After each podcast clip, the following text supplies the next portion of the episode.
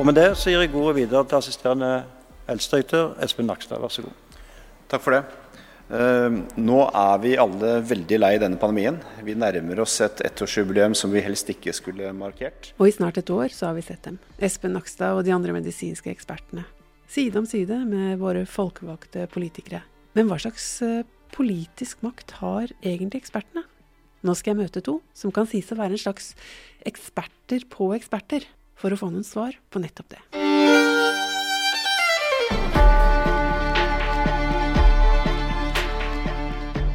Katrine Holst og Johan Christensen, velkommen til Universitetsforlagets eh, podkast. Takk. Dere har kommet hit for å snakke om den nye boka deres 'Ekspertenes inntog'. Og da jeg leste den, så tenkte jeg at dette er en bok som handler om makt. Og makt på mange nivåer. Men etter hvert så begynte jeg å tenke at uh, den vel så mye egentlig handler om tillit. Utgangspunktet for, for, boka vår, eller i hvert fall et av utgangspunktene, var jo liksom at, at diskusjonen om eksperter ofte kan være litt vanskelig å forstå seg på. For på den ene siden så hører man mye om økt ekspertmakt, eh, teknokrati. Eh, ekspertene tar over. Men på den annen side så har det selvfølgelig vært masse diskusjon om eh, økt mistillit til eksperter. F.eks. Fra, fra president, eh, president, Trump eller, eller Bolsonaro i, i Brasil. Så det er på en måte to ulike fortellinger om Um, om ekspertenes rolle i samfunnet, hvor den ene sier uh, ekspertene blir stadig mektigere, og den andre sier uh, hvem hører nå egentlig på ekspertene lenger? Og, og boka er et forsøk på å, uh, å, se litt nærmere på hva er det nå som egentlig foregår. Ja, nei, Det er helt riktig. Vi har kalt boka vår 'Ekspertenes inntog'. Men, men ut, fra sånn, ut, fra det som mange snakker har snakket om, da, at vi kanskje får mindre tillit til ekspertene, og ekspertene har nå for mye makt, så kunne du tenkt at vi skulle heller kalt boken vår 'Ekspertenes uttog'. Eller at er det ikke heller sånn at ekspertene toger ut, eller toges ut, av liksom elite- og ekspertiseskepsisen. Vi, vi sier vi lever i populismens tidsalder. og og det har vært en sånn fortelling som Johan sier da, knyttet til at ekspertene har at vi har mindre tillit til dem, og at de får mindre makt, eller at de bør få mindre makt. Men vi snur jo litt på flisa i denne boken, hvor vi, hvor vi da sier jo, men vi må også huske på at ekspertene har stor politisk makt. Og en del av det vi tar opp i boken, er også at vi spør om de har fått større politisk makt. Det har jo endra seg mye siden 1800-tallet. Eh, Noe jeg lærte, og som jeg ikke visste, det var at Norge var tidligere, eller starta som et byråkrati. Og først etterpå så ble det et demokrati. Nei, jeg tror det er litt, litt forenklet sagt det er sånn, så, så det var. At, at, det ble på en måte bygget en, en administrativ eh, stat allerede på, på 1800-tallet, før parlamentarismen og, og, og før, det, før, det, norske demokratiet, egentlig. Og det er mange som mener at, måte, den, at den rekkefølgen er veldig bra for uh, utviklingen av et sterkt demokrati og en, og en sterk stat. Um, fordi man på en måte da legger et demokratisk system oppå et statsapparat som, som allerede fungerer, uh, fungerer, godt. Så, så for eksempel, Går du til USA, for eksempel, så er, rekkefølgen motsatt. at Der kommer demokratiet før staten. Og det er mange som mener at det har bidratt til at uh, USA har en, har en såpass uh, svak stat, som, som, ofte har store problemer med å levere, levere tjenester, eller hvor, hvor, det ikke finnes noe ordentlig, ordentlig helseforsikring osv. Men hva er egentlig konflikten her, altså mellom det demokratiske og det som handler om kunnskap? For det er jo en konflikt. Ja, altså spisset, da, så kan du si hvis du har en um, politisk beslutning knyttet til hva slags uh, pensjonssystem du skal ha, f.eks., eller hva slags likestillingspolitikk du skal ha. Så hvem skal bestemme det? Jo, det ene ideen man har, er at politikken skal være kunnskapsbasert, forskningsbasert, evidensbasert, snakker noen om. Og da, jo, da, bør vi jo rådføre oss med ekspertene, kanskje til og med delegere til eksperter. På den annen side så sier vi jo, og vi vil jo leve i et demokrati, og det er et folkestyre. Og da er det jo borgerne som skal bestemme hva slags politikk og hva slags styresett man skal ha, og hvordan man skal rangere verdier og interesser og det er liksom det politikken handler om. Så her er det her, her er det i utgangspunktet en konflikt. Og samtidig vil jo mange si at jo, men vi, det er jo en god ting hvis politikken er kunnskapsbasert. Samtidig så bør den være demokratisk. Så det er noe med å, hvordan kan vi få til rigge til et system og ha mekanismer som får til kanskje begge deler. Um, la, hvis vi sa f.eks. disse um, offentlige utredningene som vi har sett på her, la oss si det er profess et professordominert utvalg, så er det ikke disse professorene som selv bestemmer mandatet for det utvalget de skal, den rapporten de skal skrive. Det har de fått fra eh, departementet. Der, så det er jo gjerne sånn toppbyråkrater som har vært på å bestemme, og kanskje også politisk ledelse. Så du kan si at ja, politikerne gjerne er med og bestemmer dette mandatet, men så når det gjelder fortolkning av et sånt mandat, når man skal lage en Altså jeg har selv sittet i likestillingsutvalg, f.eks. Vi fikk et mandat fra Barne- og likestillingsdepartementet hvor det sto at vi skulle utrede likestillingspolitikk for Norge. Når vi hadde fått det mandatet, det var nesten et rent forsker-professorsammensatt utvalg, så hadde vi veldig stor innflytelse eh, å, til, å, til, å, løse det. og til å både, Da ga vi liksom en virkelighetsbeskrivelse, hvordan er likestillingssituasjonen i Norge, og så foreslo vi masse tiltak. Men så når vi har levert, den, levert rapporten, så er det jo opp til politikerne og, og, sånn, hva skjer videre. Men det er klart, da har vi lagt et veldig viktig dokument i bordet som er mer og styrer og former hva det er politikerne så skal være uenige om, på en måte. Så det er den ekspertene har Man kaller seg gjerne at ekspertene har en stor agendasettende eller dagsordensettende makt. Eh, hvor mange utredninger er det som foretas årlig i Norge i regi av staten? Det er jo ca. 20, eh, 20 per år eh, norske offentlige utredninger. og I tillegg til det så kommer jo alle, alle mulige andre eh, ekspertutvalg og eh, arbeidsgrupper eh, med, med, ekstern deltakelse, som, som, ikke bare er satt sammen av, av departementsfolk. Men det er færre sånne NOU-er i dag enn det var tidligere? Det er færre NOU-er enn en før, ja. På 70-tallet så var det vel omtrent 60-70 eh, NOU-er per år. Men da skal det også sies at da var det, da var det mye likt og ulikt som ble, som ble utredet gjennom eh, NOU. Så, så, et eksempel vi har i boka er f.eks. Eh, eh, en NOU fra 1974 som handlet om skjenking av øl i Forsvarets mannskapskantiner. Eh, Uh, og det er nok et tema som neppe ville blitt uh, eh, NOU i dag. Det vi mener å se er i hvert fall at de kanskje har, har, kuttet vekk en del av de mindre viktige utredningene. At de utredes på, på annet vis. Hvem er det som sitter i sånne utredningsutvalg? Det er jo en blanding, da. Det er jo en blanding av um, av folk fra, fra embetsverket, uh, av uh, akademikere og folk fra uavhengige forskningsinstitutter. Selvfølgelig også statlige forskere, altså folk fra f.eks. Statistisk sentralbyrå eller Folkehelseinstituttet. Samt interessegrupper. Så, så LO og NHO er f.eks. ofte med i, i utvalg Eh, særlig på, på arbeidslivsområdet eller på, når det handler om pensjoner, f.eks. Mm. Men I boka deres så skriver dere at før så var det færre forskere og akademikere som satt i slike utredningsutvalg. Hva er grunnen til det? Her er det jo flere ting, da, men dette er jo også del av en større diskusjon. Og det ene er jo selvfølgelig kanskje helt grunnleggende sett at det har blitt større eh, behov for spesialisert kompetanse som akademikerne Eh, har. Politiske spørsmål blir stadig mer komplekse, og um, politikerne er derfor de er nødt til å støtte seg på den, på den ekspertisen. Men for, for det andre så, så, har det nok med legitimitet å gjøre. Altså ekspertise, uh, kunnskap nyter også veldig stor legitimitet. så Derfor er det viktig for politikerne å, å ha med akademikere i utvalg, og da kanskje særlig som utvalgsleder, fordi det er de som er mest synlige, for, for å vise at Eh, denne utredningen er ikke noe sånn partipolitisk eh, bestillingsverk. Det er liksom en uavhengig, troverdig eh, utredning som er bygget på den beste og mest oppdaterte kunnskapen. Katrine? På toppen av det så er det da Eh, altså at det er eh, Man henter inn folk fra universitetet og forskningsinstitutter. Sånn at det gjelder sånn som altså det, det, er en sånn For at utvalgene skal ha legitimitet, så er denne professortittelen blitt viktigere. Tydelig, altså.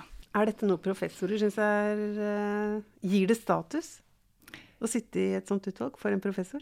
Ja, det, det er ikke noe vi har studert sånn helt tidlig, men det er mitt inntrykk, altså. Ja. At det er det at det gir, det gir en status. Det gir jo for, altså En ting er at som jeg har sagt, det gir jo politisk innflytelse over et felt. sånn at dette er jo gjerne noe som professoren er engasjert i utgangspunktet. Og man kunne tenkt seg en mulighet kunne jo vært altså I akademia så er det jo veldig mye nå fokus på tellekanter, akademisk publisering og sånn. Man kunne tenkt seg at det kanskje var, liksom, at det var mindre interesse mm. blant professorer ved å sitte i sånne utvalg, men jeg tror fortsatt at det har eh, innflytelse. Vi skal jo, forskerne skal jo også ha har jo også et samfunnsmandat. Jeg tror ganske mange professorer syns dette er en fin måte å løse det samfunnsmandatet på. Liksom Få jobbe med ting de brenner for, og på en sånn en sammen med andre forskere, andre eksperter og, og sånn. Det tror jeg de syns er meningsfylt.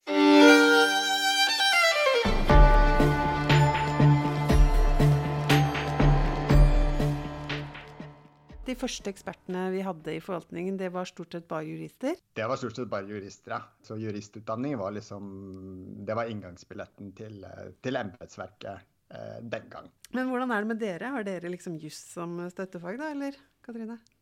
Ikke juss som støttefag. Jeg jeg er, jo sosiolog, og så har jeg historie og filosofi som støttefag. Så det jeg ikke burde Jeg har ofte tenkt at jeg burde hatt juss når jeg nå studerer eh, politikk og, og styringsverk. Men eh, jo, hvis man skulle vært up to date da, med forvaltningen i Norge i dag, så er det jo økonom man skulle vært. For det er jo, det er jo et skifte fra juriststyre til økonomstyre som er en sentral sånn funn vi har i, i, boken vår. Da. Hvor mange økonomer sitter det i, i, eh, forvaltningen vår? Det vi vel sier i boka, er at det er ikke nødvendigvis måte, num, antall økonomer som, som, er helt avgjørende. Så hvis du ser på forvaltningen i, i dag, så er det faktisk aller flest andre, andre samfunnsvitere. Statsvitere særlig, da, men, men, men også sosiologer. Um, som utgjør ja, er det omtrent 30 og så er det ca. 20% økonomer og 20 uh, jurister. Økonomen er fullstendig dominerende i det som er det viktigste og mektigste departementet i Norge, Finansdepartementet. Mm. Uh, så gjennom å på en måte sin dominerende posisjon i Finansdepartementet, så er det klart at økonomene legger, legger premissene for mye av det som skjer i forvaltningen. Og, og dessuten litt interessant uh, er at uh, stadig flere av, av, topplederne i forvaltningen er, er, økonomer. Så vi gjorde en, en, en rask telling i fjor. Og da viste det seg at eh, jeg tror det var 10 av 16 departementsråder hadde, hadde mastergrad i, eh, i, økonomi.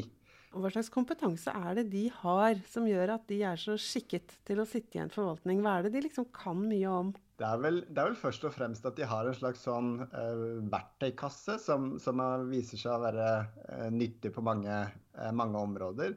Så, så F.eks. så har økonomer vært veldig opptatt av dette med å nytte-kostnadsanalyse. Så altså å regne på effekten av offentlige eh, tiltak. Og det er egentlig noe man kan tilpasse på på alle mulige, eh, alle mulige offentlige programmer og tiltak. Rett og slett si liksom, hva, hva er de eh, økonomiske konsekvensene av dette av dette tiltaket. Og, og, da blir jo ofte økonomene hentet inn for å, for å, regne på det. Det som er veldig interessant, er at, er at økonomi og økonomkompetanse eh, i stadig større grad har blitt brukt på, på andre områder enn den økonomiske politikken. Så, så økonomene brukes til å, til å sette opp sånne kvotemarkeder innenfor klimaområdet.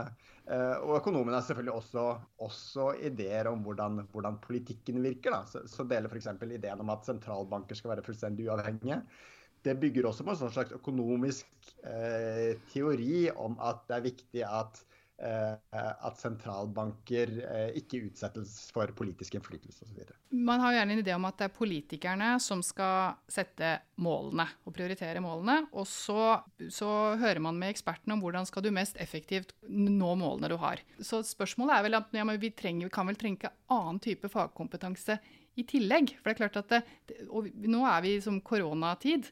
Nå er det helt opplagt at vi også spør sant, folkehelseforskere, epidemiologer, som kan noe om det. Sant? Alle skjønner nå at vi kan ikke bare snakke med økonomene, men sånn er det egentlig på alle felt. Sant? På miljøfeltet f.eks. bør vi også snakke om de som kan noe om miljø og klima, ikke bare økonomene.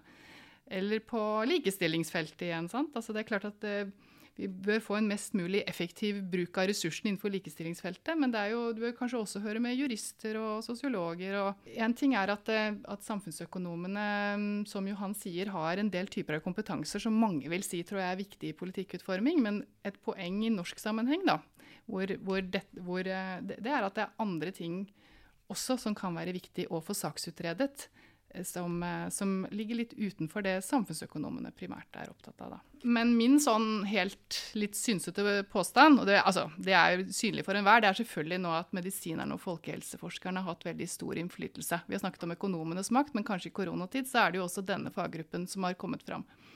Eh, så det interessante er hvilke andre, eh, hva slags makt andre eksperter har. For det er klart at Koronakrisen har ikke bare økonomiske eller folkemessige konsekvenser, som du sier. Det har sosiale konsekvenser. Det fører til arbeidsledighet, utsatthet for sårbare grupper, rusmisbrukere, barn.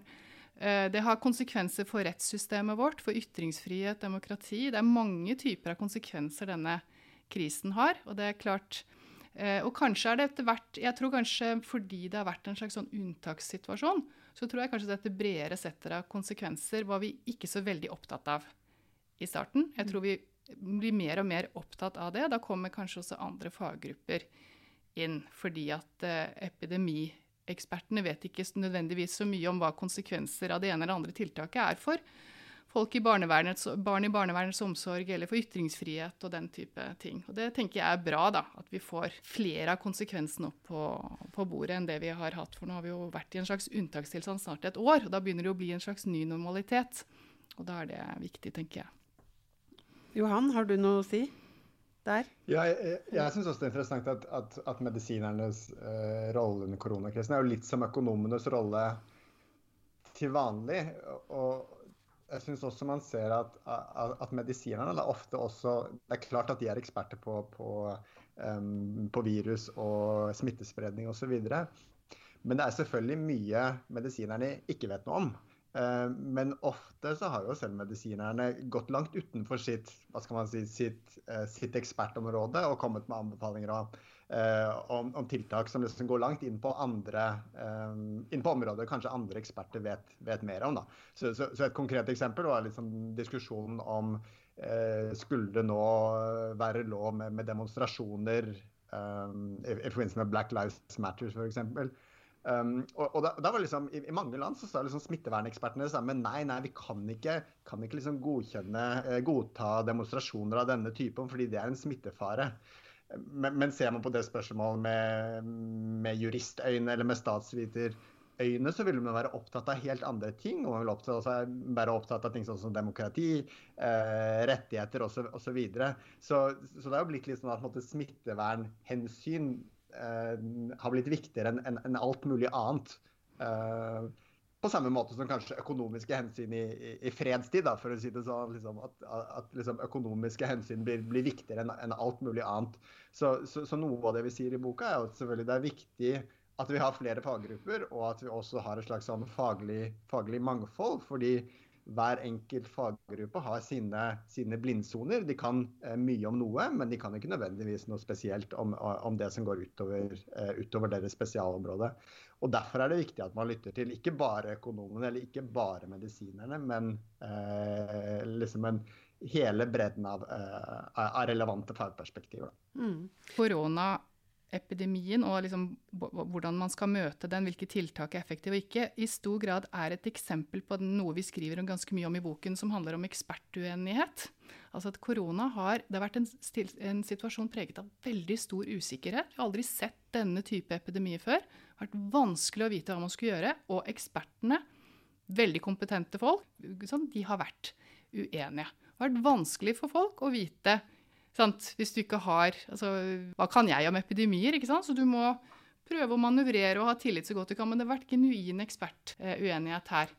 Eh, sånn sett så er det en interessant parallell, eller forskjell kanskje, til klimakrisen, vil mange si. Hvor det jo er etter hvert har etablert seg i større grad en vitenskapelig konsensus, f.eks. om at klima, eh, klimakrisen er menneskeskapt. Det er også ganske stor enighet etter hvert om ganske mange av tiltakene.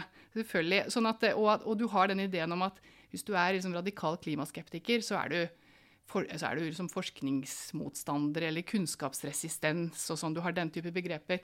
I koronadebatten er det litt annerledes. Der er det fortsatt liksom, stor usikkerhet og ekspertuenighet. Hvordan tror dere det hadde gått med denne krisen, koronakrisen, hvis vi ikke hadde kunnet lene oss mot uh, ekspertene? Hvis jeg skal si kort, så tror jeg vi hadde kommet dårligere ut av det, mm. rett og slett. Jeg tror det har vært ganske vanskelig å si at nei, ekspertene de bare synser og de mener, så det går ikke an å liksom høre på de. Jeg tror at eh, mange, mange, tenker at eh, vi har fått, liksom, fått, bedre tiltak og sånn fordi vi har, hatt, vi har lyttet til ekspertene. Og tenk bare nå på hele vaksinesituasjonen.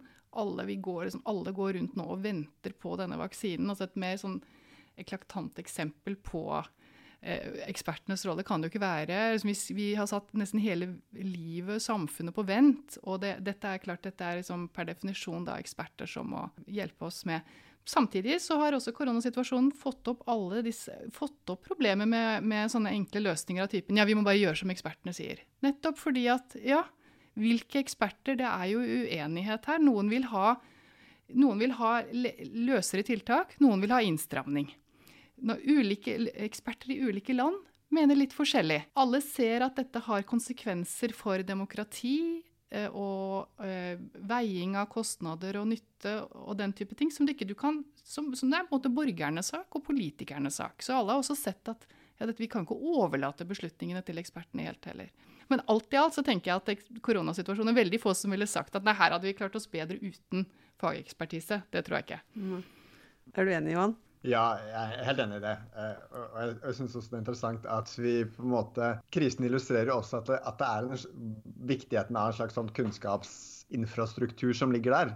Så det er selvfølgelig mange, I mange år så har vi hørt veldig lite fra virologene og epidemiologene. Og, og, nå er de plutselig kjendiser i alle land, liksom, hvor, men, men, de holdt jo på med, med forskningen sin. og de holdt, eh, Folkehelse, eh, Folkehelseinstituttet har jo holdt på å forske på dette hele tiden.